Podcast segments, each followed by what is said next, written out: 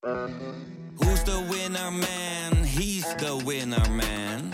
Is hij miljonair? Geen idee, maar nou en. Je hebt geen jackpot nodig to be a winner man. Oh oké, dat is wel lekker man. Deze podcast is 100% expertisevrij en alleen geschikt voor amusementsdoeleinden. De inhoud mag niet worden beschouwd als financieel advies. Dit is Jong Beleggen, de podcast. Ik ben Milou. En ik ben Pim. In deze aflevering geven we je een overview van het fintech-landschap.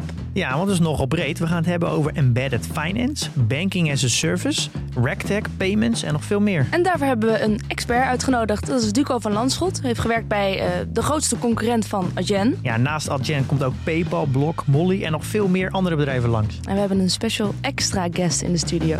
Oeh.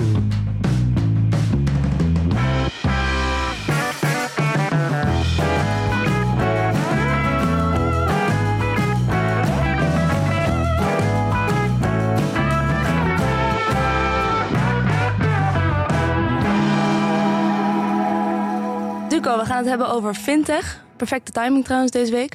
Eh, maar daar weet jij heel veel van als ex-hoofd van Stripe van de Benelux. Als financiële crime fighter bij Fourthline. Dat moet je straks maar even uitleggen. Maar eerst, wat heb je in hemelsnaam aan? Ja, dit is mijn oude soldatenuniform dat ik ooit op een eh, markt in min 10 in uh, Bishkek heb gekocht. Waar ligt dat? In eh Oezbekistan. Oké. En eh, ik draag het heel vaak. En ik weet nog dat toen mijn, mijn eh, nu inmiddels verloofde, toen we op een gegeven moment op date 8 gingen, dat ze tegen me zei, ik vind de dates gezellig, maar misschien kun je volgende date iets anders aantrekken. De eerste zeven had jij dit aan. Ja, ik had blijkbaar, ja, dat had ik ook niet meer door. Ik zat er niet altijd op te letten, maar dus mijn, ik hou heel erg van soldatenjasjes. Dus ik had deze blijkbaar, blijkbaar al zeven dates ongeveer aan. Een echte strijder ben je. Er zit iets Ja, heel, dat mag iets heel dat zijn jouw dienstbaars. woorden. Iets heel dienstbaars, iets militairs. eh, in Precies. jou. Ja, ja. En je hebt je hond meegenomen. Ja, Nelson. Ja, die is altijd mee. Dus ik was eigenlijk vanochtend voor de deur vergeten. We gaan natuurlijk een podcast opnemen. Hoe handig is een hond daarbij? Maar Nelson is in principe altijd erbij. Gaat het goed met Nelson?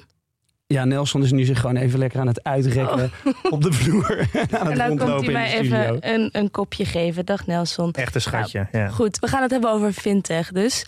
Ik zei al, dat is een perfecte timing, want het gaat nu niet heel lekker met fintech op de beurzen. Nee, dat klopt wel. Het is, het is, eh, als ik een maand geleden was geweest, was het een iets vrolijker gesprek in dat opzicht geworden. Maar het heeft er de afgelopen, nou wat is het, 1, 2 maanden, een beetje uitgezien als de slotscène in Scarface. het, is, het is één gro- groot bloedbad. Dus Adyen was 40% omlaag, vanochtend weer wat omhoog. PayPal 60% omlaag. Square, Block 65% omlaag. Dus je kan eigenlijk wel spreken van een soort mini-beurskracht op, op fintech eigenlijk. Want jij houdt het eh, al langere tijd echt in de gaten. Je bent begonnen als consultant trouwens bij eh, McKinsey.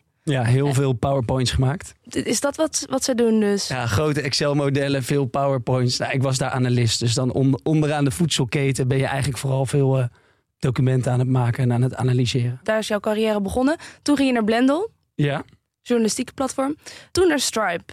Stripe is die concurrent van Adyen en daar heb jij het vaak over, Pim. Eh, ja, Stripe maken wij ook gebruik van met eh, PDT als, eh, als betalingsplatform. Ja, was, was jij nou de eerste Europeaan in dienst bij Stripe? nee, ik was niet de eerste Europeaan, dus we hadden wel, wat was het, 10, 20 of 30 man toen in dienst. Maar wel de eerste Nederlander, de eerste hier op de grond in de Benelux. Ja, wat, wat, wat heb jij gedaan bij Stripe? Nou, dus toen ik binnenkwam was het eigenlijk vooral eerst de Benelux-markt opzetten. Dus dan was het product lokaal aanpassen. Eh, de eerste mensen aannemen, de eerste klanten proberen, nou eigenlijk proberen te stelen natuurlijk van Atje en Molly toen de tijd. Dus eh, daarvoor liepen we de straten af. En daarna heb ik ook Duitsland, Oostenrijk, eh, Zwitserland voor Stripe geleid. Ja. Ze hebben hier voet aan de grond gekregen. Ja, zeker. Dankzij zeker. Nou, de Atje en mensen zullen natuurlijk altijd zeggen dat het helemaal niet het geval was. Eh, maar ja, zeker. Want op een gegeven moment ging WeTransfer met ons processen. Katawiki, gedeelte van eh Booking, eh Blendel. Ja. Dus eh, nee, dat eh, gebeurde je zeker. noemt al even Molly en, eh en. Kijk, Molly, die kennen de meeste mensen niet als nog niet beursgenoteerd. En nou, Stripe is natuurlijk ook nog niet beursgenoteerd. Adyen dan wel. We hebben ze een beetje overlap? Want Molly zit denk ik iets meer overlap met, met Stripe. Als het Ja. gaat om de klantenbase, denk ik. Ja, goede vraag. Dus ik denk dat als je ze afgaat, er zijn gewoon heel veel verschillende paymentsbedrijven. Net zoals er bijvoorbeeld heel veel verschillende banken zijn. En helemaal voor de financiële crisis, toen al die banken gigantische market cap hadden, had je ook wel honderden, misschien wel duizend banken beursgenoteerd.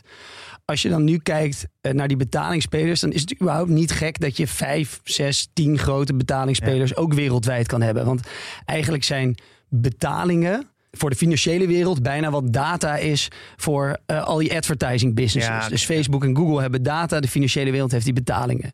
Nou, dan Adyen is meer enterprise payments. En die hebben ongeveer anderhalf procent MKB. Ja. Molly is echt eh, MKB continentaal Europa. En dat doen ze heel goed met een prachtig product. Ja. En Stripe is origineel begonnen eigenlijk als payments voor developers met dat MKB. En langzaamaan ook die markt van Adyen ingegroeid. Waarom hebben we het over developers? Wat, wat, op welke manier hebben die Stripe nodig? Of een, een... Nou, waar het eigenlijk waar, waar Stripe uit is ontstaan, is dat in 2010 John en Patrick Collison uh, heel veel appjes aan het bouwen waren. En elke keer erachter kwamen. Uh, we bouwen die app in een paar weken. En het kost het ons een godvermogen aan tijd. om even te zorgen dat mensen ervoor betalen. Dus soms zetten ze een appje weg. en dan dachten ze: laat die betaling maar zitten. Ja. Toen dachten ze: nou, waarom, waarom doen we dat niet? Want eigenlijk hoort payments problem rooted in code te zijn. Het hoort niet een, een soort groot operationeel probleem te zijn. En toen zijn ze eigenlijk ook naar de, de PayPal-oprichters Pieter Thiel en Elon Musk gegaan. Bekend van natuurlijk Tesla en SpaceX. Ja. En toen zeiden ze eigenlijk tegen hun: PayPal is gewoon ontzettend kut. Ja. En dat hebben jullie opgericht en ondertussen verkocht aan eBay. En uh, eigenlijk de visie van wat jullie wilden bouwen en wat, wat PayPal er vervolgens aan eBay er niet meer van heeft gemaakt, dat willen wij wel uitvoeren. Ja, nou, het is trouwens heel herkenbaar. Want ik uh, denk in 2004 uh, voor het eerst digitale producten gemaakt. En daar was het altijd verschrikkelijk om daar payments voor in te, in te integreren. En PayPal was sowieso verschrikkelijk. Was ook niet heel erg geaccepteerd in Nederland. Dat was altijd een gigantische uitdaging om überhaupt geld te verdienen op het internet. Omdat die infrastructuur er helemaal niet lag. Dus je was meer bezig om een infrastructuur te bouwen dan überhaupt het product aan het bouwen. En dat heeft Stripe natuurlijk eigenlijk voor gezorgd wereldwijd. Dat alle kleine onafhankelijke uh, makers eigenlijk in één keer hun producten konden verkopen. Ja, ja en je ziet dat ook de, hun originele naam uh, was ook eigenlijk slash dev slash payments. Zo erg was het zeg maar nerderig payments gefocust. Dus de hele eerste value proposition was zeven regels code. En dan kun je een creditcard payment uh, runnen. Dus we noemen onszelf slash dev slash payments. Want dat vinden al onze vrienden dan helemaal super vet. Maar wat bleek, als je in Delaware gaat incorporeren... dan kun je een schuine streep slash kun je niet in je bedrijfsnaam zetten. Dus toen moest er in caps lock staan slash dev slash payments. Toen leek het ook nog op een of ander AWS-product. Toen kreeg het bedrijf tractie. En toen zei iedereen, ja, maar dit is toch een ongelooflijk teringslechte naam. We moeten een nieuwe naam voor dit bedrijf. Nou, wat doen dan goede nerds? Dan ga je kijken naar een nieuwe naam. Mm -hmm. En dan is eigenlijk het allerbelangrijkste belangrijkste altijd, is die URL nog beschikbaar? Dus jij kan wel een leuke naam verzinnen, maar als iemand anders die .com heeft, dan kun je, dan kun je het niet goed commercieel uitmelken. Ja. Dus dan hebben ze een, uh, gewoon een nerdig scriptje geschreven. Wat zijn twee letternamen die uh, wel hoog scoren qua bekendheid, maar die een URL hebben die niet veel bezocht is? En daar kwamen dan honderd namen uit. En toen zeiden ze, nou dat Stripe klinkt wel oké, okay, maar niemand was eigenlijk enthousiast. En toen zeiden ze op een gegeven moment, nou weet je, als we het over twee weken nog niet weten, Um, dan wordt het Stripe. Um, dus je mag nog twee weken betere suggesties doen. Nou, twee weken later had niemand erover nagedacht. En toen zei ze, nou nemen we die bedrijfsnaam maar. En, en sindsdien is het Stripe. En heel vaak zeiden mensen ook tegen me, oh echt een goed uitgekozen naam. En dan hoor je dit verhaal. Maar dat is natuurlijk hetzelfde met al die bedrijfsnamen. Ja, Adyen, ja. Je moet wat hebben, gewoon, ja. ja je moet wat kiezen en daarna ja. gooi je er uh, miljoenen marketing tegenaan. Ja, en, en dan, dan heb je een hoge market cap en ja. vindt iedereen je vet. En daarom heb ik ook mijn, uh, mijn podcastbedrijf naar mijn kat vernoemd. Ja. Niemand deed zoals mijn kat, Pippi Fred. Dus ja, nee, ja die was nog beschikbaar. We hebben natuurlijk ook Apple. En als er nu iemand anders uh, banaan begint, dan vinden we dat ook raar. Maar Apple Ja. is heel normaal. Ja. Precies. Misschien wel full disclosure. Je investeert ook in startups, waaronder Ticketswap, ook Molly, waar we het net hebben besproken. En, eh en onder ook Fortline, waar je ook werkt. Eh, kan je wat over uitleggen? Wat doe je daar? Ja, dus bij eh Fortline lijkt ik eigenlijk alles wat we eh, commercieel doen. En wat wij, wat wij doen met Fortline, we zijn eigenlijk een beetje onder de radar Amsterdamse start-up. Dus mensen kennen ons niet echt, want we hebben geen grote fundingrondes gepubliceerd. We werken met 230 man hier in eh, Amsterdam en Barcelona. En wat wij doen is we maken KYC, Know Your Customer en witwassoftware voor gereguleerde instellingen.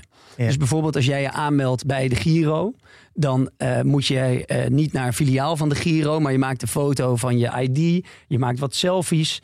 En wat wij dan doen, dan pakken we die gegevens, dan checken we 210 datapunten en binnen 60 seconden kunnen we je dan laten weten, Oké, jij staat niet op een terroristenlijst. Je hebt geen vals paspoort. Jij eh, lijkt inderdaad met een 99,9 zekerheidsscore op de foto, op je NFC-chip. Je lijkt op eh, de foto van je paspoort, dat Ja. soort dingen. Oh, dus jullie zitten daarachter. Ja, dus wij ook maken- bijvoorbeeld als ik een... Ik moest laatst een creditcard aanvragen bij KNAP. Dan moet je ook die, al die dingen doen. Op zo'n achtergrond werkt zo'n digitale ja, identificator eigenlijk. Exact, dus dat, wordt, eh, dat hele kleine gedeelte, dat wordt eigenlijk aan ons uitbesteed. En dat doen we bijvoorbeeld ook voor eh, wat nationale Nederlanden, KPN, e-herkenning, eh, Robeco, Western Union, maar ook grote oude bedrijven als Samsung Pay. Ja. En eh, in samenwerking bijvoorbeeld ook met de Franse politie en met Interpol. Dus als wij eh, allemaal eh, fraudepatronen zien in Frankrijk, daar wordt echt godvergeten veel gefraudeerd, kan ik je vertellen. Ehm, dan delen we die weer met de Franse Ja. politie. Om op die manier steeds beter te worden eigenlijk Ja. in het herkennen van witwaspatronen. Dus dat het- gaat om geld, dus dat is ook wel echt fintech. Nee, nee, dat is keiharde fintech. Ja. Zeker. Traditionele banken doen dit zelf. Want als je daar tegenwoordig een rekening aanvraagt, ben je vier weken verder. Eh, Ja. Dus die worden niet klant bij jullie? Ja, jawel. Dus je, je ziet eigenlijk dat heel veel grote eh, fintechs het compleet aan ons eh, outsourcen. En dat is dan het mooie. Dus wij kunnen dit voor drie, vier eurotjes per klant. En dan hoef je niks meer te doen. Geen onderzoek, geen mensen in dienst, nada. Nou, in Nederland bij de, bij de banken, en dan met name de grootbanken, werken 8000 mensen. 8000 mensen die eh, dit soort KYC-dingen doen. Waarvan de helft ongeveer normale klanten doet, zeg maar wij. Nou, als je dat end-to-end uitrekent hoeveel dat de grote bank kost, is vaak 30 of 40 euro. En ik heb wel eens eh, topbankiers gesproken die zeiden: ja, wij doen hier een remediation traject. Dus wij moeten iedereen opnieuw checken. En dan bellen we ze na. Dat kost ongeveer 200, 300 euro per klant. En toen zei ik: ja, Oh. maar waarom doe je dat dan niet nog voor 3 euro bij ons? Ja. En dat is nog een beetje het lastige. Als je dus bij zo'n hele grote bank aankomt, dan hebben ze toch nog zo'n gevoel van: één, wij kunnen dit beter. Twee, het valt bij heel veel verschillende teams. Drie, ik heb nu 2000 man aan me rapporteren en zometeen nul. Ja, eh, Eh, dus jij kan dat beter. En, en vier, stel dat ik jou gebruik en eh, jij bent toch nog een groeiend bedrijf en niet zo groot als wij en er gaat iets mis. Dan ligt mijn hoofd op de guillotine. Ja, ja, ja. En mijn carrière is, is kapot. Een groot risico, ja. Dus we merken wel, we doen nu echt miljoenen, miljoenen. Wij zijn de grootste eigenlijk KYC-onboarden nu van, van alle gereguleerde st- instellingen by far in Nederland. En mijn verwachting is dat naarmate wij nog meer miljoenen en miljoenen klanten doen, dat op een gegeven moment ook grootbanken zeggen: Oké, nou, we vertrouwen jullie nu eigenlijk meer dan misschien ons je eigen moet een systeem. track record hebben. Maar, je, Ja. maar je- ze, ze moeten wel, want eh, anders gaan ze natuurlijk gewoon qua competitie het gewoon verliezen. Ja, Ja, want alle, alle fintechs kosten. eh, snabbelen aan hun winsten, aan eh, alle andere kanten natuurlijk. Ja, daar komen we zo nog even op. Misschien even, een, heel mooi, even terug naar het begin. Wat is fintech eigenlijk? Ja, want het klinkt nu echt ook als een enorme sector. Als je ook dit soort bedrijven, dus ook keiharde fintech is in jouw woorden. Maar ik kan nog wel duizend andere soorten van fintech dan verzinnen. Zeker. Nou, misschien eh, makkelijk misschien als we daar eigenlijk moeten beginnen voor de luisteraars. Dus fintech is eigenlijk een samentrekking van financiële technologie. Nou, en daarmee vat het eigenlijk al alles samen. Dus het is een verzamelnaam voor elke technologie die wordt gebruikt om traditionele financiële diensten te verbeteren. Of, eh, zoals een goede technerd zou zeggen, natuurlijk te disrupten. Ja. En daar zitten dus heel veel categorieën in. Net zoals je heel veel financiële categorieën hebt. Als je kijkt naar banken, financiële instellingen, online brokers, eh, wealth managers. Ga zo maar door. Waarom matcht de, de financiële wereld zo goed met eh, technologie? Omdat wij hebben het financiële systeem opgebouwd over de laatste zeg 100 jaar. Waarin technologie een steeds grotere component is gaan spelen. En in wezen is een bank niets meer of minder dan een softwarebedrijf. Bijna alles zou geautomatiseerd moeten kunnen worden. Financiële producten kunnen 95% technologie zijn. En dat horen ze zijn, maar dat zijn ze niet. Ja. Dus ik sprak wel mensen die een IT-architectuur hadden bij een van de grootbanken in Nederland. Die zei: Wij hebben 80 verschillende systemen. Ja. Dus op een gegeven moment heb je een eigen bank met vijf systemen. Je hebt ook op een gegeven moment nog tien kleinere acquisities gedaan. Dan heb je die 70 systemen. Ja, wie durft die spaghetti-code nog aan te raken? Ja. Dus dat is één. Twee is het, en dat is misschien ook de potentie van fintech. De allerbeste developers werken die op dit moment bij zo'n oud gedateerd IT-systeem van een grootbank? Of werken die bij een hele snelle groeiende start-up waarbij je met de modernste tools Ja, werkt? ja. Dat wil niet zeggen dat er geen goede developers werken bij ABN. Maar ik denk dat als je een hele goede developer bent, ga je natuurlijk veel liever bij Adyen aan de slag. Ja, die, eh, ja, in essentie was geld natuurlijk offline. Gewoon cash natuurlijk. En daar is, dat is de periode waar banken zijn natuurlijk bij begonnen. Maar nu is geld natuurlijk digitaal. En alles wat digitaal is, is natuurlijk eh, extreem goed te automatiseren. Eh, en daar hebben natuurlijk al die bedrijven heel veel moeite mee. Omdat ze zijn opgericht in het tijdperk dat het natuurlijk offline was. Ja, ja en in, in, in dit verlengde. Ik heb dus wel eens een eh, McKinsey-project gedaan bij een hele grote bank. Eh, bij McKinsey mag je nooit vertellen waar, waar je dan werkt. Milou heeft blijkbaar een huisgenoot die dat ook doet. Het is eh, heel quasi interessant, maar ik zou me er netjes aan houden, aan houden als we het in een podcast behandelen. Mhm. Maar bij McKinsey zaten we ook bij, ooit bij een grootbank. Daar deden we een groot project in zo'n toren. En daar liep ik echt rond. En dan dacht ik, wat doen al deze mensen? Dat we op een gegeven moment naar een verdieping keken. En dat we dachten, wat, wat als deze hele verdieping morgen niet meer komt opdagen? Volgens mij werkt die bank dan ook nog. Ja. En daar hadden we een, een stakeholder alignment project bij dat McKinsey project. En dan kwamen er twintig man elke twee weken hun plasje doen over onze ideeën. Dat was totaal zinloos. Maar dat moest voor de politiek Ja. ja, al die mensen die hadden we ook weg kunnen coderen. En ik denk, en dat klinkt heel, heel, heel disrespectvol soms, maar als een private equity bedrijf een nieuw bedrijf koopt en binnenkomt en dat is heel lang niet geherstructureerd, dan plakken ze er soms gewoon op. We kunnen 30% van de mensen wegsaneren. Ja. En dat is natuurlijk eh, Ja. niet positief, want het gaat om gezinnen en om mensen. Maar ik weet nog dat ik mijn eerste keer dat hoorde en dat ik zei, nou 30% is dat niet een veel te defensieve aanname? En toen zei iemand, nee joh, het is minstens 30%. Ja. Dus het is allemaal een soort legacy die daar dan nog Ja. rondloopt. Mensen die je ook niet zomaar kan ontslaan en die nog wel een functie hebben, maar die functie is gewoon ja, makkelijk te vervangen. En misschien wordt het dan ook nog wel beter gedaan, omdat het door technologie wordt gedaan. Ja, en, en dit zie je ook bij technologiebedrijven. Dus Netflix is begonnen als een DVD-bedrijfje. En in ergens volgens mij begin eh, 2000, toen heeft Reed Hastings op een gegeven moment de helft van het bedrijf ontslagen. En waar ze toen achter kwamen was, we zijn eigenlijk beter geworden. Dus het is ook soms als je mensen aanneemt, dan gaan ze vanzelf iets doen.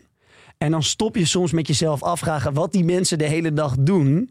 Weet je, maakt dat het verschil? Is dit echt nodig en draagt het echt bij? En Ja. Netflix conclusie was, iedereen is blijer. We hebben alleen de E-players over. En toen zijn ze vervolgens hebben ze gezegd, we gaan iedereen anderhalf keer zoveel betalen, veel minder mensen aannemen en alleen de allerbeste hebben. Ja. maar dit werkt natuurlijk vaak alleen als er natuurlijk nog een founder aan het roer staat. En niet een, eh, een manager. Ja, natuurlijk is het keiharde survivorship Ja. bias in. Want eh, Ja. als je niet extreem veel geld verdient, dan klinkt dit ook heel leuk. Maar dan kun je dit ook niet doen en zeggen we betalen iedereen het allerbeste uit de markt. Dus Nee, het is nee. natuurlijk ook een Ja. beetje uniek. En eh, is dit ook eigenlijk de reden waarom die, de, de TAM, waar we het vorige week ook over hebben gehad, eh, zo extreem groot is? Omdat er eigenlijk nog heel veel gedigitaliseerd kan worden en geautomatiseerd. Ja, ja dus die, eh, en jullie hadden het er vorige, vorige week al over, de TAM van digital advertising. Ja, Ik denk dat de TAM van financiën nog wel groter is. Even, dus dat is de Total Addressable Markets. Voor degenen die niet naar onze buitengewoon interessante boekbespreking van vorige week hebben geluisterd. Nou, dat is overigens echt een aanrader en een geweldig boek. Dus Ja. voor mensen die de vorige week niet hebben geluisterd, die zou ik echt aanraden om te luisteren. En het boek, ik haat non-fictieboeken en ik lees ze nooit uit. Eh, maar dit boek, eh, ja, ja, het is gewoon altijd saai. Mensen hebben altijd 300 pagina's nodig om iets te zeggen wat ze ook in een blog van 80 woorden hadden kunnen schrijven. Maar Ja. dit boek is echt een aanrader. Het was echt een leuke podcast. Nothing but net. Ehm, Nou, om één voorbeeld te geven. De wereldwijde financiële sector, eh, dat zeggen ze nu, heeft nu jaarlijks ongeveer 350 dollar per persoon als omzet, als TEM. Dus nou ja, wat zitten we op eh 8, 8 miljard mensen keer eh, 350. Dus dan zie je die TEM zit al boven de 2 triljard. Nou ja, als je dus de aanname maakt, financiële technologie, die kan dit 40% efficiënter maken. Dus al die mensen, die verdiepingen eh, bij al die grootbanken, waar gewoon allemaal mensen zitten die eigenlijk weggecodeerd kunnen worden, om het onaardig te zeggen. Als je daarvan 40% efficiënter kan maken, dan is er dus nog 1000 miljard aan vrijgevallen winst ja. besteden voor bedrijven. 1000 miljard. ja dus een, een triljoen. Ja, een triljoen. Ja. Het is dus niet de grootte van de TAM, maar de een- een mogelijk vrij, gekomen, Ja, oh, vrij gemaakte winst. Kostenbesparingen los van de TEM. Ja, ja. Dus dat is ook een beetje mijn idee dat ik altijd denk is... eh, ja, die fintechs op de beurs zijn nu waanzinnig overgewaardeerd. Ik bedoel, ook Adyen waarschijnlijk is zijn vandaag vanochtend weer 10% omhoog gegaan. Zit wat op uh, 60 keer de omzet van vorig jaar. Maar ja, ze hebben wel een doodzieke EBITDA-marge van 65%. Ja, ja. En daar komt, dat zie je geen enkele bank zie je dat doen. Nee, nee een bank dat gaat, zit ver onder de 10%. Volgens mij Ja. 6, 6, 7 denk ik. Ja. Ja. Zet, wat is dat allemaal? Je gaf het helemaal in het begin al even aan. Is het, ze zijn natuurlijk allemaal gezakt. PayPal, Adyen en Square. Zie je dat als meer een correctie op eh, de waardering nu? Of eh, gaat het ook echt een stuk slechter met die bedrijven? Behalve dan Adyen. Ja, nee, niet echt. Maar dat is natuurlijk ook het sentiment eh, op de beurs. Ja, ik, ik, zeg, ik kan gewoon nooit van mijn leven inschatten wat er over drie, zes en twaalf maanden gebeurt. Er zat natuurlijk wel vrij veel Hosanna in. Ja. Dus je had ook private start-ups die werden op 100 keer de netto omzet gewaardeerd. Nou, dan heb je een beursgenoteerd bedrijf als Adyen zat op een gegeven moment op wat 70, 80 keer de netto omzet. Ja, dat je dan niet omzet hoor. De, de, ja, de netto de omzet. netto omzet. De ja, netto de omzet. netto omzet. Ja. Want bij, bij, bij paymentsbedrijven kun je niet eigenlijk redeneren met de bruto omzet. Nee, natuurlijk. ja. Want Ja. eh, eh, twee derde ongeveer of 80% van de bruto omzet is gewoon kosten die je direct doorgeeft. Ja, natuurlijk. Ja. En in Europa, bijvoorbeeld bij Ideal, geef je vrij weinig van die kosten direct door. Maar in de Verenigde Staten met dure creditcards heel veel van die kosten. Dus hier begint het bijvoorbeeld al. Als je op de beurs een paymentsbedrijf wil vergelijken, kun je Square of Block niet vergelijken met Adyen op bruto omzet. Omdat als je de bruto omzet uitrekent, er hele andere dingen in zitten en geografisch andere aspecten. Ja, maar ze zijn natuurlijk eigenlijk ook helemaal verschillend natuurlijk. Want een, een, een, een PayPal is natuurlijk eigenlijk gewoon een, ja, wat is het, een soort van betaalmogelijkheid eigenlijk. Bijna vergelijkbaar met creditcard of een, eh, een Ideal. Eh, en Square is dan meer een, wat is het, een point of sale? Ja, de Square die maakte, is origineel begonnen met van die kleine kastjes. Ja, Die je aan je eh, iPhone doet. En dan kun je daarmee betalingen doen. is gewoon fysiek in winkels. Ja, fysiek in winkels. Maar die hebben daar ook allemaal accounting software omheen gebouwd. Volgens mij hebben ze zelfs restaurantboekingssoftware. Je kan op basis van die payments kun je geautomatiseerd leningen krijgen. Ehm, ze hebben ook Tidal gekocht. Ze hebben ook Afterpay gekocht. Dat is dus een soort Klarna eh, nabetalen hebben ze voor 30 miljard gekocht. Dus je ziet, zij zijn ook weer een hele andere regio eigenlijk al ingegaan. Ja, En, en zo'n PayPal, ja, dat kennen wij van betalen met PayPal. Maar PayPal heeft bijvoorbeeld ook Braintree gekocht. Braintree was een soort Stripe acht jaar geleden. Die ehm, betalingen voor het MKB deed. Ja. Ze hebben ook weer iZettle. Dat zijn van die kleine kastjes in Europa gekocht. ja, ja. Dus ook, ook voor iemand, hè, als jij nu een luisteraar bent en je denkt, nou, ik ga het aandeel PayPal publiekelijk analyseren. Dan is dus mijn conclusie, en ik heb allemaal eh, discounted cashflow modellen gebouwd bij McKinsey en ik ken die hele payment-industrie. Mijn conclusie van zo'n PayPal analyseren is dat ik het eigenlijk nog steeds niet helemaal goed kan begrijpen. ja. Dus ik investeer ook niet in dat individuele aandeel. Omdat ik ook niet duidelijk weet hoeveel van die groei van PayPal is nou premium revenue growth. ja. En hoeveel van die groei van PayPal is nou eigenlijk ingekochte groei? ja, ja. Want dat zegt dat boek dat jullie vorige week ook hebben besproken. Kijk, als jij organisch kan groeien, wat Adyen doet, zonder acquisities, maar gewoon puur vanuit je eigen business. Ja. Dat is natuurlijk veel mooiere groei en een veel sterkere groei dan een groei. Wij groeien omdat ik vorig jaar iZettle heb gekocht. Ja, er zit ook, er zit ook gewoon risico in die Ja. groei. Ja. Nou, de Adyen doet helemaal geen overnames, dat ze, zo- zover ik dat kon vinden. Ze Nee, dus ze dat- hebben ook heel duidelijk een, eh, vanuit het management een statement gemaakt dat ze juist wensen dat concurrenten partijen overnemen. Want ze zien, want in, in hun vorige bedrijf hebben ze dat ook gedaan en daar zijn ze eigenlijk een beetje nat op gegaan. Omdat je namelijk dan legacy creëert met verschillende systemen wat een bank heeft met 80 Ja. verschillende systemen waar dus Just Eat ook mee zit te worstelen nu met vier verschillende systemen over vier verschillende continenten. Eh, Nee, ik ben, het, ik ben het niet helemaal met je eens. In de kern ben ik het wel met je eens. Dus ik denk dat het heel goed is. En dat doen zowel Stripe, Molly, Adyen, Checkout.com, andere private concurrenten, die doen dat niet. Die zeggen op de core paymentslaag doen wij geen acquisities. Want het creëert inderdaad alleen maar rotzooi. Je kan niet meer snel shippen. Het creëert alleen maar legacy code. Daar ben ik het helemaal mee eens. Waar ik het niet mee eens ben, is nooit acquisities doen. Want ik denk wat Stripe bijvoorbeeld doet, is die doen heel gericht een acquisitie. Die kopen bijvoorbeeld een hele snel groeiende Afrikaans paymentbedrijf, Paystack. En daar zit Stripe nog niet.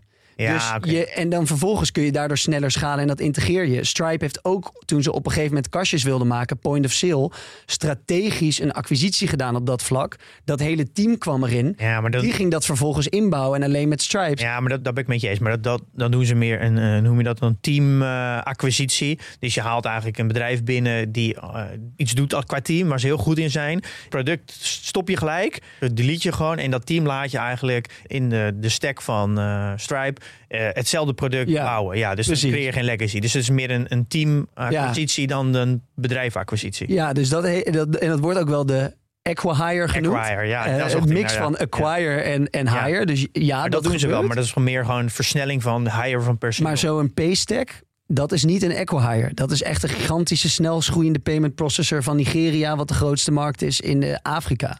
En Stripe heeft ook voor volgens mij 800 miljoen TextJar gekocht. Volgens mij zeg ik het zo goed, TextJar. Nou, dat Maar is, Textar is omge, omgelijnd naar een businesslijn, toch? Ja, dat is omgeleid naar een businesslijn. Maar je, voor 800 miljoen acquire je niks. Nee, Dus voor oké. 800 miljoen, dat is echt wel een acquisitie. En daar zat omzet in. En ik ken, en ik ken de getallen niet. Maar bijvoorbeeld, eh, om die vraag terug te doen. Waarom doet, waarom doet Adyen dan nooit een acquihire?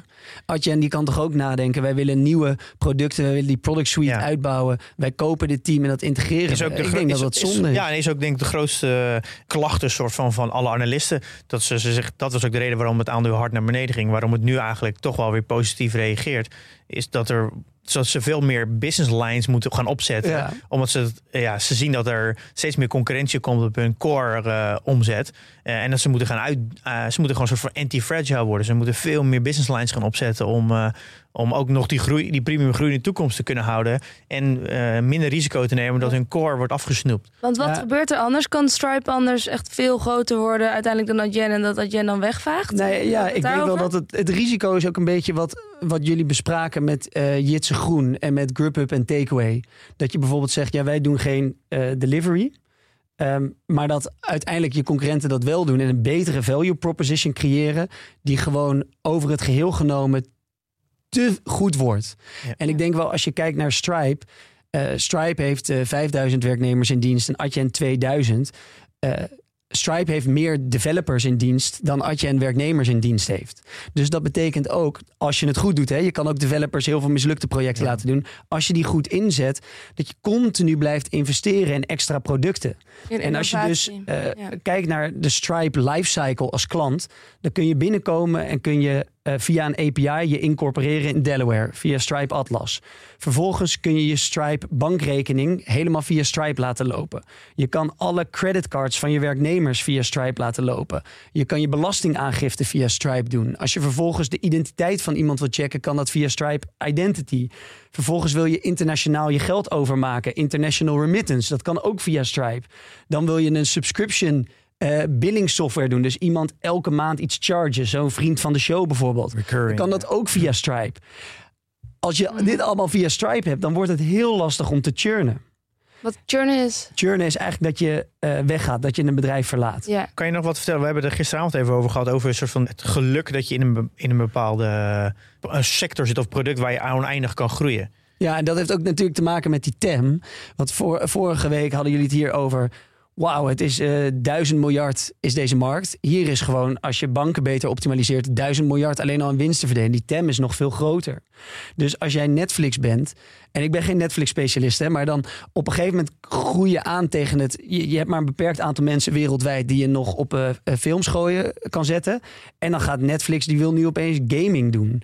Dan Ja. denk ik, ja, wat is Netflix affiniteit en achtergrond met gaming? Dat is een hele, heel, heel groot alternatief. En iets wat niet per se in het DNA van het bedrijf zit. Echt andere tak van sport. Ja, Ja, terwijl bij zo'n financieel product, ja, bedenken financieel product.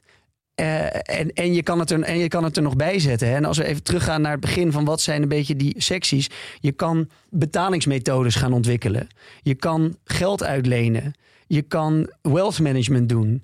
Je kan verzekeringen doen. Je kan compliance functionaliteiten aanbieden. Je kan blockchain of crypto gaan doen. Business operations, payroll, tax, accounting. Zeg maar, je Ja, ja. kan eindeloos uitbreiden. Dus alleen maar nieuwe inkomstenstromen genereren. Omdat er veel meer Ja. ruimte is. Wat ook allemaal onder diezelfde paraplu zou kunnen Ja. vallen. En daar, wij kwamen, ik Ja. kwam eigenlijk steeds meer tot de conclusie dat bijvoorbeeld zo'n Netflix of een Facebook of een Apple of Google, dat zijn eigenlijk in de, als je puur gaat kijken naar cultuur en, dat, en qua mensen die er werken, het zijn allemaal goede mensen, cultuur is allemaal goed. Dus Apple is nou echt niet heel veel beter dan een Netflix of een Facebook of een, of een Apple. Eh, alleen Apple en en eh, Google hebben gewoon heel veel geluk dat ze toevallig in een markt zitten, in dat hun kern van hun product heel makkelijk uit te, te, Ja. te dijen is. En daardoor kunnen blijven groeien. Kijk, en de Facebook heeft gewoon een max aantal mensen. Ja, die heeft volgens mij al bijna een derde van de wereld. Eh, als je, als je, als je alle kinderen en alle oudjes en China eraf haalt, hebben ze bijna de hele wereld. Dus om meer geld te verdienen of meer te groeien, moet je eigenlijk gewoon compleet iets anders Ja. gaan doen. En dat zie je bij Netflix natuurlijk ook. Zij hebben gewoon eenmaal de pech dat ze streaming doen. Zij zijn daar bij far de grootste. De groei houdt gewoon een keer op, omdat Ja. Omdat gewoon het, het max aantal mensen zo'n account kunnen aanmaken.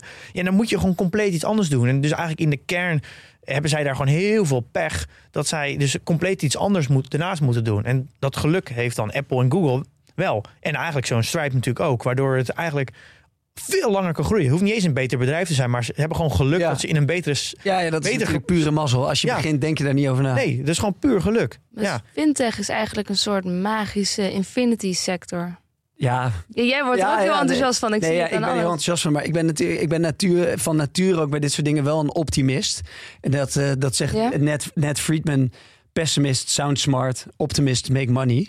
En dat wil ik niet het laatste per, per se op mezelf betrekken. Maar ik vind het wel een grappig, grappig idee. Optimistisch naar de toekomst kijken. En ook over zo'n Adyen aandeel ben ik heel enthousiast. Want ze groeien autonoom, ze groeien volledig organisch. Hun point of sale, hun offline payments zijn ze echt wereldwijd echt geweldig in. Je ziet ook dat groeit 100%, zag je ook in de cijfers die vandaag uitkomen. Dus die subbusiness kunnen ze nog eindeloos in groeien. Ze hebben een geweldig management. Ja, dus dat is een heel mooi bedrijf. En weet ik of zij, eh, hoe het er over twee of drie jaar het aandeel erbij hangt, niet. Maar als, ik, eh, als je het tien jaar durft vast te houden, dan denk ik dat je, de, dat je er geen bel aan kan. eh, Ja. Nee. Want dat doe je ook in je vrije tijd. Je investeert dus in start-ups in de, de fintech sector. Wat zijn voor jou de belangrijkste dingen waar, jij, waar je naar kijkt als je die keuze maakt of, of je erin gaat investeren? Nou, de eerste keuze waar ik naar kijk is: vind ik, het, vind ik deze oprichter leuk en vind ik het leuk om hun te helpen?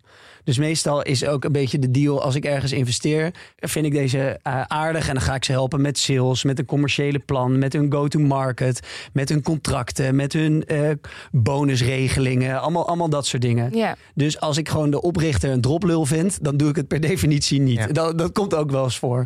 Daarnaast vind ik dat ze een mooi product bouwen, dat ze obsessief zijn over de kwaliteit van hun product. En ook belangrijk, doet er iemand mee in die ronde die gewoon heel veel slimmer is dan ik? Want ik denk dat eh, eh, angel investeerders eh, en zo heet dat, angel tickets. Ja, dat klinkt ook heel pretentieus. Want heel veel van die tickets, soms doen mensen tickets van 5000 euro. En dan zetten ze op hun LinkedIn dat ze een angel investeerder zijn. Dat is natuurlijk net zo nerdig als op LinkedIn zeggen dat je een serial entrepreneur bent. Het zijn vaak een soort draaideur KVK'ers, weet je. Tien BV'tjes oprichten en een interessante LinkedIn maken. Maar ehm, los, los van dit zijsprongetje.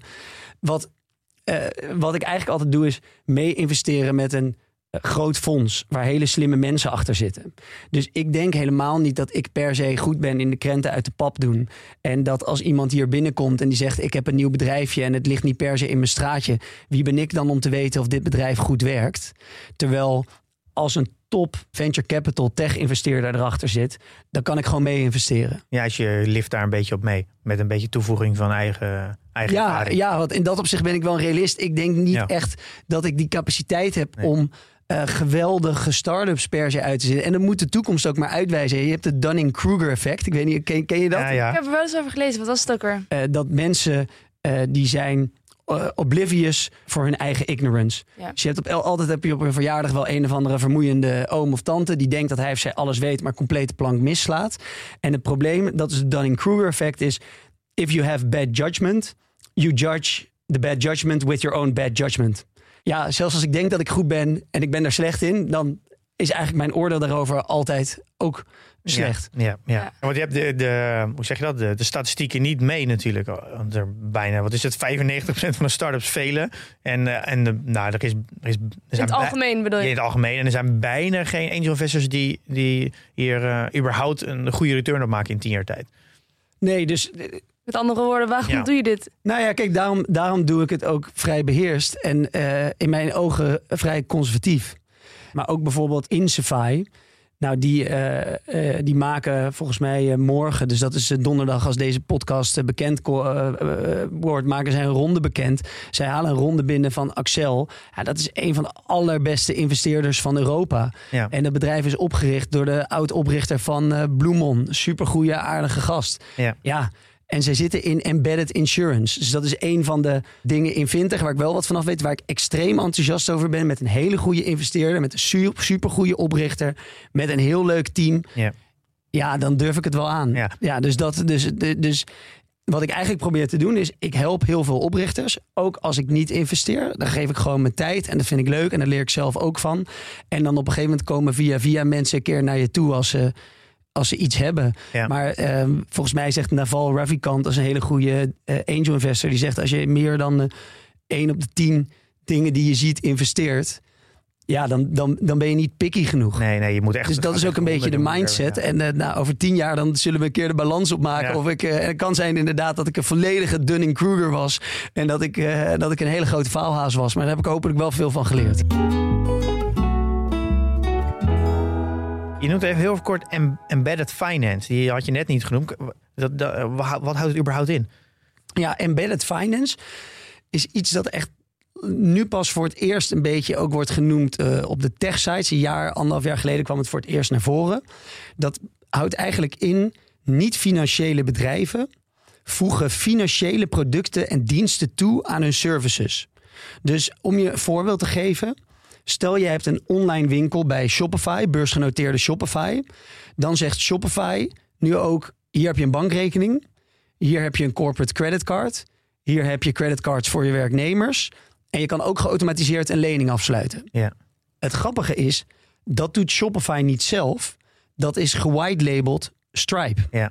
Hmm. En als je White dat- label is toch een soort samenwerking? ja, white label is eigenlijk Stripe doet alles, maar we plakken er een Shopify merk Ja. over. Is dat, kan je dat ook noemen de, de een Just Eat Takeaway eh, card? Eh, dus dat biedt eigenlijk dan eh Just Eat aan aan klanten, aan zakelijke klanten. Dan kan je aan je personeel geven. Dat is ook, ook embedded finance. Exact. En volgens mij is dat dan weer Adyen. Dat is Adyen, ja. Dat is, dat is Adyen. Dus wat je eigenlijk hebt is, je hebt heel veel bedrijven die hebben heel veel klanten, maar die zijn natuurlijk geen financieel bedrijf. En die kunnen dus via andere gewide-labelde software, fintech-applicaties, dus opeens die financiële services gaan wegzetten. En dat is ook wat dat, wat dat Insify dus doet.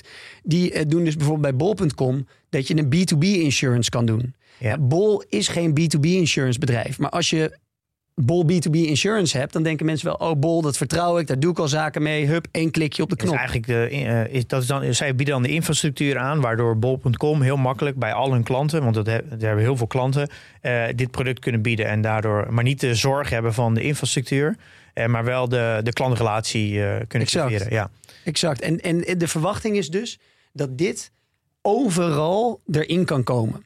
Ja. Dus ehm, je ziet ook eigenlijk wat, wat Apple langzaamaan is gaan doen. Dus Apple was natuurlijk een telefoon. En nu heb je Apple Pay. En dan heb je een wallet. En dan kunnen ze financiële diensten aanbieden. Dat is ook embedded insurance. Gisteren zijn ze dat met het bericht gekomen dat ze nu een, een, van een iPhone een pinautomaat maken. Exact. Dus het grappige is natuurlijk, de luisteraars kennen die term niet. Maar het gebeurt overal om je heen. En, en hier is het mooie, en nu, nu wordt Pim waarschijnlijk vrolijk. Die markt groeit niet normaal hard. Echt Dus teringhard. embedded finance Ja, dus de verwachting is dat die groeit van ongeveer 45 miljard in 2021 naar 230 miljard in 2025. En wat kunnen wij daarmee, Duco? Ehm, ja, wat kun je... Goeie vraag. Ja, inderdaad. Nou, ik denk wel dat het leuk is en interessant is om eens rond te kijken, joh, wat voor fintech bedrijven zijn er? En te kijken, joh, laat ik eens wat, wat meer dit gaan volgen. Kijk, ik zal nooit iemand aanraden om een individuele stok te kopen. Eh, want ik heb ook bijvoorbeeld wel eens met een eh, aandelenanalist gezeten van Adyen. En ik dacht, ik begrijp alles. Want ik heb bij McKinsey discounted cashflow modellen gebouwd. En ik ken de hele payments industrie. En toen ging ik met die aandelenanalist van Adyen zitten. En toen was mijn conclusie niet normaal indrukwekkend hoeveel jij weet. En toen was ook mijn conclusie, als jij zoveel weet over dit aandeel, dan weten dus over alle andere individuele aandelen van PayPal en Block en alles wat er in de markt is, gewoon zoveel mensen, zoveel meer dan ik. Oké, ja. Dus Dat betekent meer weten dat je ook betere beslissingen neemt. Nee, het betekent zeker niet dat je betere beslissingen neemt. En dat is een hele goede nuance. Maar het betekent wel dat je niet een soort analytische schijnillusie zelf moet creëren. En dat, doen met name wij mannen heel veel. Wij lijden natuurlijk aan chronische zelfoverschatting. En 85% van de mannen denkt dat hij beter kan rijden dan gemiddeld. En wij doen dan vijf eh huistuin- en keukenanalyses. En dan berekenen we wat. En we gaan op een analyst call. En we kijken wat jaarrapporten door. En dan maken we onszelf wijs. Ik begrijp dit. En dan kopen we een individueel aandeel. Nou, en dat hebben we ook bijvoorbeeld hier gezien in de podcast. Dit is, ik zit je nu een beetje te pesten hè, met Just Eat Takeaway. Daar Ja, had jij een hele goede analyse van. En die analyse was ik het helemaal mee eens. En toch gaat het aandeel naar beneden. Ja, maar ja, oké. ben- maar je komt dan ook over tien jaar bij me terug of het ook fout was. Ja, ook raak een gevoelige snaar hier. Nee, maar, maar dat is een goed. Nee, maar tuurlijk. Dat is Nee, goed. nee, tuurlijk. Dus Ja. je moet, de, de tijd zal het ook zien. En je moet die, Je kan niet cherrypicken naar Nee, verliezers. precies. natuurlijk. En ik, ik, ik plaag je nu een beetje, want ik cherrypick eh, als trouwe luisteraar cherrypick ik de, de verliezer uit de podcast. Maar wat ik een beetje bedoel is, ik, ik wil echt niet dat mensen deze podcast uitgaan en allemaal denken, joh, ik ga nu individueel vijf fintech aandelen uitkiezen, want dat vind ik levensgevaarlijk en dat doe ik zelf ook niet. Ja. Jij Dus belegt, doe dat niet met deze jij kennis. belegt dus helemaal niet in individuele aandelen. Nee, Dus- nee wel, er is één individueel aandeel dat ik heb. Sorry, ik moet wel, moet wel eh, eerlijk zijn. Dat is het individuele aandeel Shopify. En de reden daarachter is... eh, Shopify, dat is ook publiek bekend. Is al heel lang een hele grote klant van Stripe. Dus ik ken eigenlijk Shopify ook al sinds eh, 2016 of zo. Toen ze nog veel kleiner waren op de Niet beurs. de grootste klant van Stripe. Eh, ja, daar kan ik geen uitspraak Ja. over doen natuurlijk. Hè. Dat is niet netjes. Ehm, en het is gewoon een extreem goed product dat heel lang door kan groeien, helemaal founder-led is. En ik koop dat gewoon de hele tijd een beetje bij, omdat mijn, mijn persoonlijke gevoel daarbij is, als ik dat eh, tot 2030 vasthoud, denk ik dat het beter presteert dan een S&P-tracker, omdat het een soort tracker is op heel e-commerce met nog een extra goed software team. Ja, ja, ja. Maar ik, ik zie dit ook meer als een eh, experiment en het is echt een mini-gedeelte van mijn portfolio. Hè? De, de rest van je, je mini de rest van je portfolio zit dan in een tracker. ja, wat, wat ik op de beurs beleg, zit allemaal in trackers en dan eh, wat, eh 4% of zo Shopify. En voor de rest alles in trackers. En een beetje in startups. Nee, precies. Dus de rest zit in eh, veel private startups, wat angel investments, best wel wat in, in crypto. En dan op de beurs zit het eigenlijk allemaal in, eh, in index. Ja. Dus nu komen we bij het, mijn favoriete deel van deze aflevering. Mijn strategie eigenlijk. Toch? De ETF-belegger. En m- met mij veel van de luisteraars ook. Eh, jij approved eh, mijn eh, way of belegging. Ja, de eerste keer, ik moet wel zeggen, en dat is grote props voor Pim. Want de eerste keer toen ik Pim zei, eh, zag, toen zei ik, we zijn een hele grote fan van je, van je podcast. Maar we noemen je altijd eh, ja, Octopus Pim. Eh, vrij vernoemd naar Octopus Paul. Dat is namelijk een, eh, een octopus die bij het WK in Duitsland alle zeven wedstrijden van Duitsland de, de goede winnaar had voorspeld. En de reden daarachter is dat ik en, ook wel wat vrienden van me, wij geloven niet in ons vermogen om individuele aandelen uit te kiezen. En ik geloof wel dat doordat Pim individuele aandelen kiest, dat hij extreem veel leert. En dat hij daar lange termijn wel kennis mee opbouwt. Maar de echte visionair in, in de Kamer vinden wij Milou. Ja. En Milou is ook is echt de allergrootste winnaar. Want Milou, die dollar cost averaged gewoon in die ETF's. Die gaat lekker 30 jaar compounden. Ja. 1% van de professionele beleggers volgens mij presteert maar beter dan de S&P op 30 jaar. En het mooie is, Milou hoeft ook niks te doen. Hè? Milou kan naar festivals, Milou kan naar cafés, Milou kan keihard chillen, Milou, Milou kan Netflix uitspelen. Ja. Milou is gewoon helemaal relaxed altijd. Nou ja, ja, ik kan er eigenlijk niks aan, aan toevoegen. Ik ben er helemaal mee eens. Ik denk ook dat, de, dat je ook gewoon in een ETF moet gaan zitten, ja. Maar eigenlijk, ik, ik, daarin natuurlijk wel de verdediging. Dat je leert inderdaad niks. Eh, dus gewoon een, gelijk een ETF stappen en dan niks meer doen... snap je eigenlijk niet van hoe de beurs werkt. Wat denk ik heel belangrijk is voor lange termijn. Om dat wel goed te snappen. Dat als, de, als je een hele tijd in een bear market komt... of de grote, grote crash is, dat je in ieder geval weet wat er gebeurt. Eh, dat je niet zo in paniek raakt. Eh, en aan de andere kant, jij hebt het natuurlijk over crypto. Alle beargumentatie die je nu geeft over aandelen... kan je natuurlijk ook gewoon over crypto heen leggen. Oh ja, maar ik zie, Ja. mijn, ik zie mijn crypto ook als een... eh, Dat heeft geen track record. eh, er zit geen onderliggende waarde. Eh, ja, je kan heel veel artikelen lezen over hele slimme mensen die dat heel hoog omhoog praten. Maar dan doe je eigenlijk exact hetzelfde wat je net zegt dat, het, dat je niet moet doen. Dat is heel ironisch eigenlijk dat je eigenlijk jezelf extreem tegenspreekt als het gaat om crypto. Nee, maar dit ben ik dus ook niet met jou eens, Pim. Ik ben het niet eens over de crypto. Kijk, de, punt 1, ik doe de crypto ook om ervan te leren. Omdat ik vind dat er heel veel interessante innovatie komt. En ik merk gewoon wat jij ook merkt. Als je ergens een individueel aandeel of een individuele coin van koopt, dan volg je het beter. Twee, alles wat ik in crypto heb gegooid, heb ik in principe afgeschreven. Dus alles wat ik in crypto investeer, dat zie ik als een investering in een high-risk startup. Ik zie dat helemaal niet. Dat vergelijk ik niet met een indextrekker. Het kan keer 10 of keer 20, maar hele grote kans dat het ook naar nul gaat. Nee, maar de, de, hele discussie over crypto, kan natuurlijk zeggen, ja, er zit een heel groot ecosysteem bij, maar dat zegt natuurlijk niks over de prijs van de munt. Het ecosysteem kan tien keer groter worden, maar de munt kan steeds dezelfde waarde houden. Ja, maar kijk, ik, ik merk wel dat heel vaak mensen die heel veel ehm, uh, die heel veel analyses geven over crypto, er eigenlijk helemaal niks van afweten. Dus als ik wat boomers over crypto ook hoor praten, is het een beetje alsof ik twee blinden over het uitzicht hoor praten. Dus allemaal meningen over die coin is niet waard, het is een Ponzi-schema. Maar als je ze dan vraagt, leg mij gewoon even in twee minuten uit wat Ethereum is, wat doet het, begrijpen ze niks. Ze denken dat Ethereum een soort andere Bitcoin is. Dus uh, Bitcoin is de euro, Ethereum is de pond. Maar het is iets compleet verschillend. En als ik zie wat er gebeurt in de, de, de Web 3 dan vind ik het een hele interessante space. Waar ik ook gewoon tot 2030 long-term hold op zit. Ik koop niks, ik verkoop niks. Ik zie het als een lange termijn start-up. Waarbij het dus keer 10 kan gaan en ook naar nul. Dus dat is gewoon een hele andere soort definitie van je portfolio. dan wat ik in een indextrekker koop. Want als ik een publiek beursgenoteerd bedrijf koop. Ja, dan is het niet of naar nul of keer 10. Dus dan denk ik, ik ben beter af op dat punt met risico-avers zijn, de Milou-strategie. hoef ik al die publieke bedrijven niet te volgen. Kost me, verschilt me bakken met tijd. En dan kan ik vervolgens kijken waar in de private wereld zitten kansen die anderen niet begrijpen. Kijk bijvoorbeeld naar Nassim Taleb. De, de Black Swan heeft geschreven. Die gebruikt een soort van wat jij zegt, die ultieme Dumble-strategie. Dus die zegt, joh, 80% zit gewoon low risk in, in een tracker. En dan 20% zitten in high conviction bets. Waarmee ik een extreme accelerator kan creëren. Ja. Waar kan die extreme accelerator zitten? Want, want uh, rijkdom komt vaak door concentratie. Rijkdom komt vaak niet door spreiding. Dus je moet ergens kiezen voor concentratie. En ik denk dat ik in die fintech er veel van af weet. Dus ik maak daar een keuze om daar mijn concentratie op te doen. Ja. Of dat goed uitpakt, ja, weet je, kom maar voor vijf jaar terug en dan zou ik eerlijk uh, mezelf analyseren.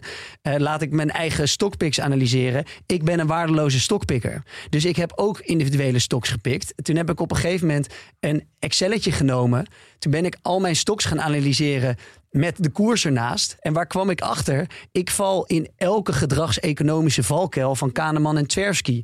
Uh, als hij omhoog gaat, koop ik bij. Gaat hij naar beneden, verkocht ik. Ik kocht dingen waar veel over werd geschreven. En toen ging ik het analyseren en toen was het iets lager dan een S&P-ding over een ja. paar jaar. En toen dacht ik, ja, ja, maar, Waarom hou ik me hiermee bezig, man? Ik kan ook gewoon een trekker kopen. Ja, dat snap ik. En naar festivals gaan. Ja, ja dat is naar festivals gaan. Ja. dat is natuurlijk een paar jaar. Je, je kan niet natuurlijk die strategie met een paar jaar vergelijken... als je met je, je angel investing daar tien, een, een vergelijkingsbasis van 10 jaar hebt. Uh, en daarbij een angel investor kan je niet uitstappen, kan je niet bijkopen. Dat is, daar kan je niks aan doen. Dan heb je natuurlijk geen koers. Je kan datzelfde principe toch ook behandelen als op de beurs. Door gewoon dat ook te parkeren. En als te behandelen met dezelfde strategie. Want je, je past twee verschillende strategieën toe. En je gaat ze daar met elkaar vergelijken. Nou, allereerst zijn het dus verschillende strategieën. Dus dat ben ik niet met je eens. Want de strategie op de beurs is gewoon een ander ja, maar, je, maar jij hebt toegang tot die tot risicoprofiel. Heeft niet, bijna niemand. Precies. En bij het andere punt, ik pretendeer ook helemaal niet dat ik daar geniale dingen doe. Want de toekomst wijst misschien uit dat ik een gigantisch vars ben. Snap je? Dus ik pretendeer ook helemaal niet. Maar ik denk dat omdat ik wel toegang heb tot die bepaalde deals, omdat ik sommige van die oprichters kan helpen en dat ze me daardoor iets van allocatie geven in zo'n ronde, denk ik dat daar iets van alfa voor mij te halen is. Want bijvoorbeeld bij die hele grote fondsen zoals Sequoia of Index, die in Adyen zitten of Axel, daar doen heel veel pensioenfondsen die hopen maar dat ze mee mogen doen in zo'n fonds. Ja. Dus als ik mee kan investeren met zo'n topinvesteerder en krijg iets van die allocaties in ronde, dan denk ik dat dat slim kan zijn. Maar ik doe het ook bovenal gewoon omdat ik het leuk vind en er veel van leert. Ja. En ehm, ja, inderdaad, misschien kijk ik over acht jaar na en dan denk ik, jezus, veel geleerd. Maar wat was dit dom? Zoals jij dat hopelijk ook over acht jaar denkt, Ja. jezus, wat heb ik veel geleerd. Maar Ik misschien moet ik gewoon een, een indextrekker kopen. Ja. Jullie lijken eigenlijk best wel op elkaar. Ja, de kans is natuurlijk heel groot als je in 10 startups investeert en dat er na één jaar al één failliet gaat. Dan heb je al niet de SP outperformed. En dan kan je zeggen, ja, nee, na een jaar Nee, werkt niet. ja, maar dat, dat is precies de vergelijking die je nu ook doet. Dat je de korte termijn vergelijking maakt. Nou ja, Dus- mijn, mijn, ja. kijk, mijn punt is wel meer, als je toegang krijgt tot een start-up die niet beursgenoteerd is, waar anderen niet in kunnen zitten, waar, waar een hele goede expert van heeft gezegd, dit wil ik. En heel veel andere mensen hadden er ook in gewild, maar die kunnen niet die ronde in. Dat vind ik meer een edge, of in ieder geval als ik het voor Ja, mezelf ben- spreek, ben dan, dan dat ik het aandeel Adyen koop. En ik vraag mezelf ook heel erg af, ja, moet ik dat nou wel doen met dat Shopify? Moet ik het verkopen of niet? Maar dan denk ik, ik vind het gewoon een leuk bedrijf en dan doe ik het daarom. Maar eh, ja, ik weet niet of het per se een slimme zet van me is. Nee, maar ik ben het daar wel met je eens. Maar er zijn gewoon heel weinig mensen die, eh, die echt goed toegang hebben tot zo'n dealflow. Dat is natuurlijk maar voor zo'n ronde gaan maar een x aantal mensen mee. Een handjevol mensen.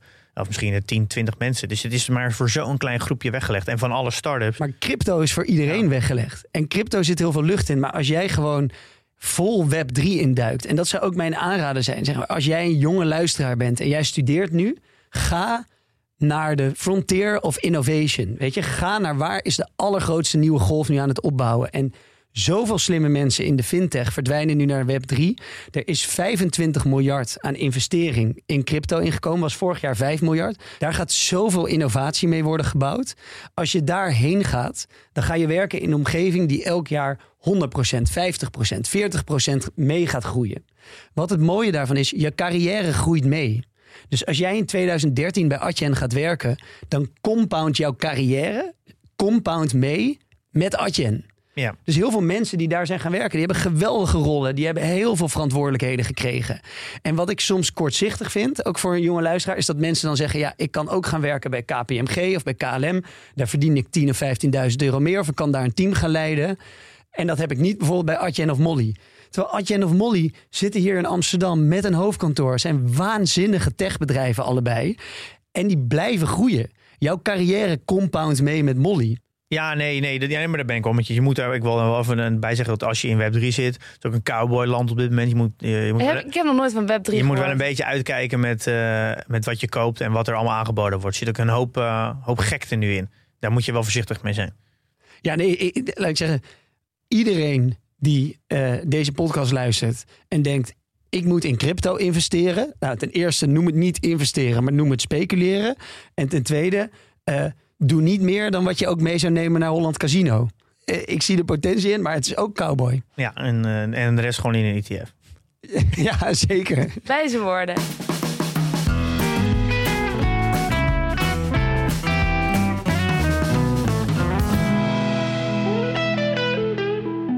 Het is wel interessant dat jij zegt over je carrière. Dat je eigenlijk beter je, je carrière kan starten eh, op een plek wat heel hard groeit. Want dan groeit je carrière hard mee. In tegenstelling tot als je bij een, KLM gaat zitten waar je wat krimpt. Dus dan moet je, als je wil groeien, tegen de stroom in zwemmen bijna. Eh, hoe werkt dat eigenlijk bij bedrijven? Geldt het daar ook? Ja, zeker. Dus als je bijvoorbeeld kijkt, laat ik, eh, laat ik Adyen nemen. Magisch, prachtig Nederlands bedrijf. Adyen groeit nu, maakt eh, vandaag bekend 47% Als je dan heel even in de mindset kijkt tot aan 2030. Hoe makkelijk is het voor Adyen om 20, 30% per jaar te groeien? Nou, dan neem je eerst online commerce. Groeit 10% per jaar ongeveer. Dan twee, Adyen is eh, innovatieve, goede technologie. Dus die hebben allemaal de snelste groeiers gebruiken Adyen. Dus nog 10% extra voor omdat Adyen de snelste groeiers heeft. Nou, laat dan zeggen dat ze ook nog 5 à 10% nieuwe klanten winnen van oude payment processors met allemaal legacy systemen. eh, waar, waar, waar, de, waar de, wat is het, waar, de, men- waar men geen pap van lust. Ja. Dan zit je dus al op 25, 30% groei bij Adyen. En dan kan je nog zeggen dat 60% van de mensen die toegang tot hebben tot internet. En, die gaan, en er gaat steeds meer mensen op het internet. Dus de, de, de groep die gaat afnemen, gaat, wordt ook groter.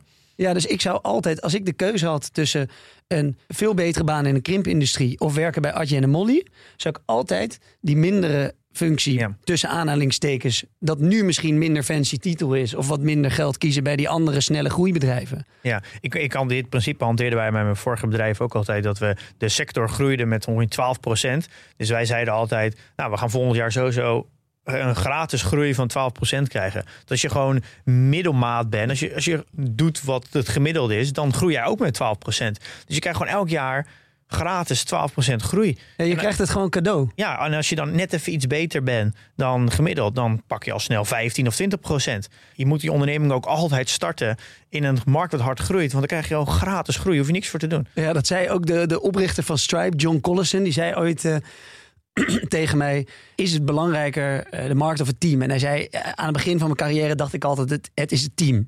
Toen zei Mark Andreessen, een van de meest legendarische investors van Silicon Valley, die zei tegen hem, no John, eh, market or team, market always wins. Mediocre team, fantastic market, market wins. Ja, ja, A great team, shitty market, market wins. Ja. The market wins, John. ja. En dat, en dat klopt wel. En ook Ja. bijvoorbeeld bij Uber. Het is niet dat de taxi-industrie elk jaar 15% groeit. Misschien wel als Uber meer mensen in een taxi kan doen, maar niet echt per definitie. Nee, nee, nee. Terwijl Adyen zit in online commerce. Dat groeit gewoon 10%. Dus- Full stop. Ja, en dan, en dan krijg je dus een dilemma dat als dus Uber wil groeien, moeten ze dus andere dingen gaan aanbieden. Eh, en dat is natuurlijk het voordeel van een, een Adyen of een PayPal of een Shopify. Die, gaat, die groeit gewoon heel hard mee. Nou, Google natuurlijk ook met de, de, de Ja, en bijvoorbeeld bij Uber. Eats zit het wel natuurlijk. Hè? Dus je Ja. kan wel zeggen, Uber Eats kun je wel de aanname maken. Tot aan 2030 gaan we misschien elk jaar 10% meer online eten bestellen. Die Ja. durf ik hem wel aan. Maar Ja. gaan wij elk jaar 10% meer taxis nemen? Nee, dat is, Vraag hem nee, af. Nee, maar dan maakt het voor Uber natuurlijk een best wel lastig businessmodel. Omdat het namelijk twee, twee bedrijven onder één paraplu zijn. Er zit Ja. weinig synergy eh, in het. Maar breek mij de bek niet over over Uber. Want ik heb nog nooit zulke creatieve accountants gezien als bij eh, Uber. Ja, Uber die maakt continu bekend dat ze winstgevend zijn. En je zou eens voor de grap gaan eens lezen wat zij winstgevend noemen. Dus ze hebben iets en dat noemen ze adjusted EBITDA. Dus ze maken een soort Hans Kazan accounting ervan. En dan halen ze allemaal dingen uit de EBITDA. Dus bijvoorbeeld wat haalt Uber uit hun winst? Dat is stock-based compensation. oh ja, ja, ja. Nou ja, Dat is je kan hè? geen Nee. Amerikaans techbedrijf runnen zonder veel aandelen weg te geven. Dus dat zijn gewoon normale kosten. Nou, die halen ze eruit omdat ze ooit één keer heel veel kosten hadden na de IPO. Hadden ze één keer heel veel, heel veel mensen die ze moesten afbetalen. Maar het slaat nergens op om dat nu er nog uit te halen. Een ander punt. Uber die heeft Uber Eats, Uber Rides en Uber Freight. Dat zijn eigenlijk drie business units. Daarboven hangt Uber Technologies. Die maken al die apps voor die drie businessmodellen. Nou, Uber Technologies kost 2 miljard of zo. Wat ze dan doen, zeggen ja, die 2 miljard die staat los. En dan zeggen ze, onze, onze business units zijn individueel winstgevend. Maar die 2 miljard, ja, die moeten ze gewoon allokeren over die business units, Ja, vind ik. Verdeeld worden. Ja, natuurlijk. Ja, Ja. van die 2 miljard moet er zeg maar 900 miljoen naar, naar rides, 900 miljoen naar iets en weet ik veel, 200 miljoen. eh, Als ben je een softwarebedrijf zonder de kosten van, de- van de developers. ja, dus wat is dat voor onzin? Dat is toch geen winstgevendheid? Nee. Nou ja, en, en het verbaast mij ook dat in het FD en in allemaal kranten neemt iedereen dan over. Rides is winstgevend, iets is winstgevend. Nou ja, Ja. Neem is gewoon, lees is die dingen door. Ja. Ja, nee, maar dat, ja, nee, dat klopt. Ja. Nog hier iemand die ook niet heel enthousiast is over kranten. en de expertise die, eh, die En daar ook niet over Uber trouwens. Nee. Nou goed. Nee, ja, als je, jij bent ook daar columnist bij de, eh, bij de Quote. Daar heb je ook volgens mij eh, vrij recent geschreven over, over Uber. Dus eh, aanrader als je, als je Ja. meer over jou wil weten. Gewoon elke maand, elke maand toch? Ja, elke maand. Elke maand zei ik je even wat af. Gewoon volgen, maar wel, maar wel met veel Ruben die plezier. had die columns doorgelezen en die zei... eh, Jezus, je bent wel een zeikert zeg. En, en het was de eerste keer weer dat iemand sinds lange tijd tegen hem zei. Toen ging ik ze na. Toen dacht ik, ja, dat klopt wel inderdaad. Maar vroeger toen dacht ik dat ik alles wist. En mijn vrienden hadden daar een ander, wo- ander woord voor. Een hele vermoeiende bedweter. Ja, ja. Hopelijk is met de tijd iets minder. Maar het is ook niet alleen maar zijkant. Het is ook grappig. Je, bent, je hebt ook ooit dat Groninger studentencabaret gewonnen. En je bent ook nog eens super snel, want je bent een ultrarenner. Dus je, je rent ook de woestijn door zo nu en dan. Moet ik me daarbij voorstellen, toch? Ja, Ja, ja. wat een veelzijdig man. Nou, dankjewel eh dat je hier was, eh, Duco. Nee, dankjewel dat ik langs mocht komen. Heel leuk. Ja, dus over vijf à tien jaar kom je nog een keer langs. Gaan we even vergelijken. Ja? Ik weet Niet wat ik dan aan het Hij doen ben, knikt ja, dus... eh, Ja. Zeker, zeker. Sorry, ik moet inderdaad wat zeggen. Ja, precies. Dan zou, zou ik je vertellen hoe desastreus het in elkaar is Ja, gekletterd. dat met jouw, eh, wat is het, uh, Kruger-effect is. Dunning-Kruger effect. Ja, Kruger-effect, ja. Ja, en wie weet kan Pim je tegen de tijd ook gewoon de hand schudden en eh, is daar alles verdampt. Ja. Maar er zal uiteindelijk dus één iemand als echt visionair uit de bus komen. En dat antwoord, dat hebben we al gehoord vandaag. Ja. Eh, ja, dank Duco. Tot de volgende keer. Bedankt. Ehm, Ja. En eh, ja, jongens, in de tussentijd, investeer in je kennis en beleg met beleid.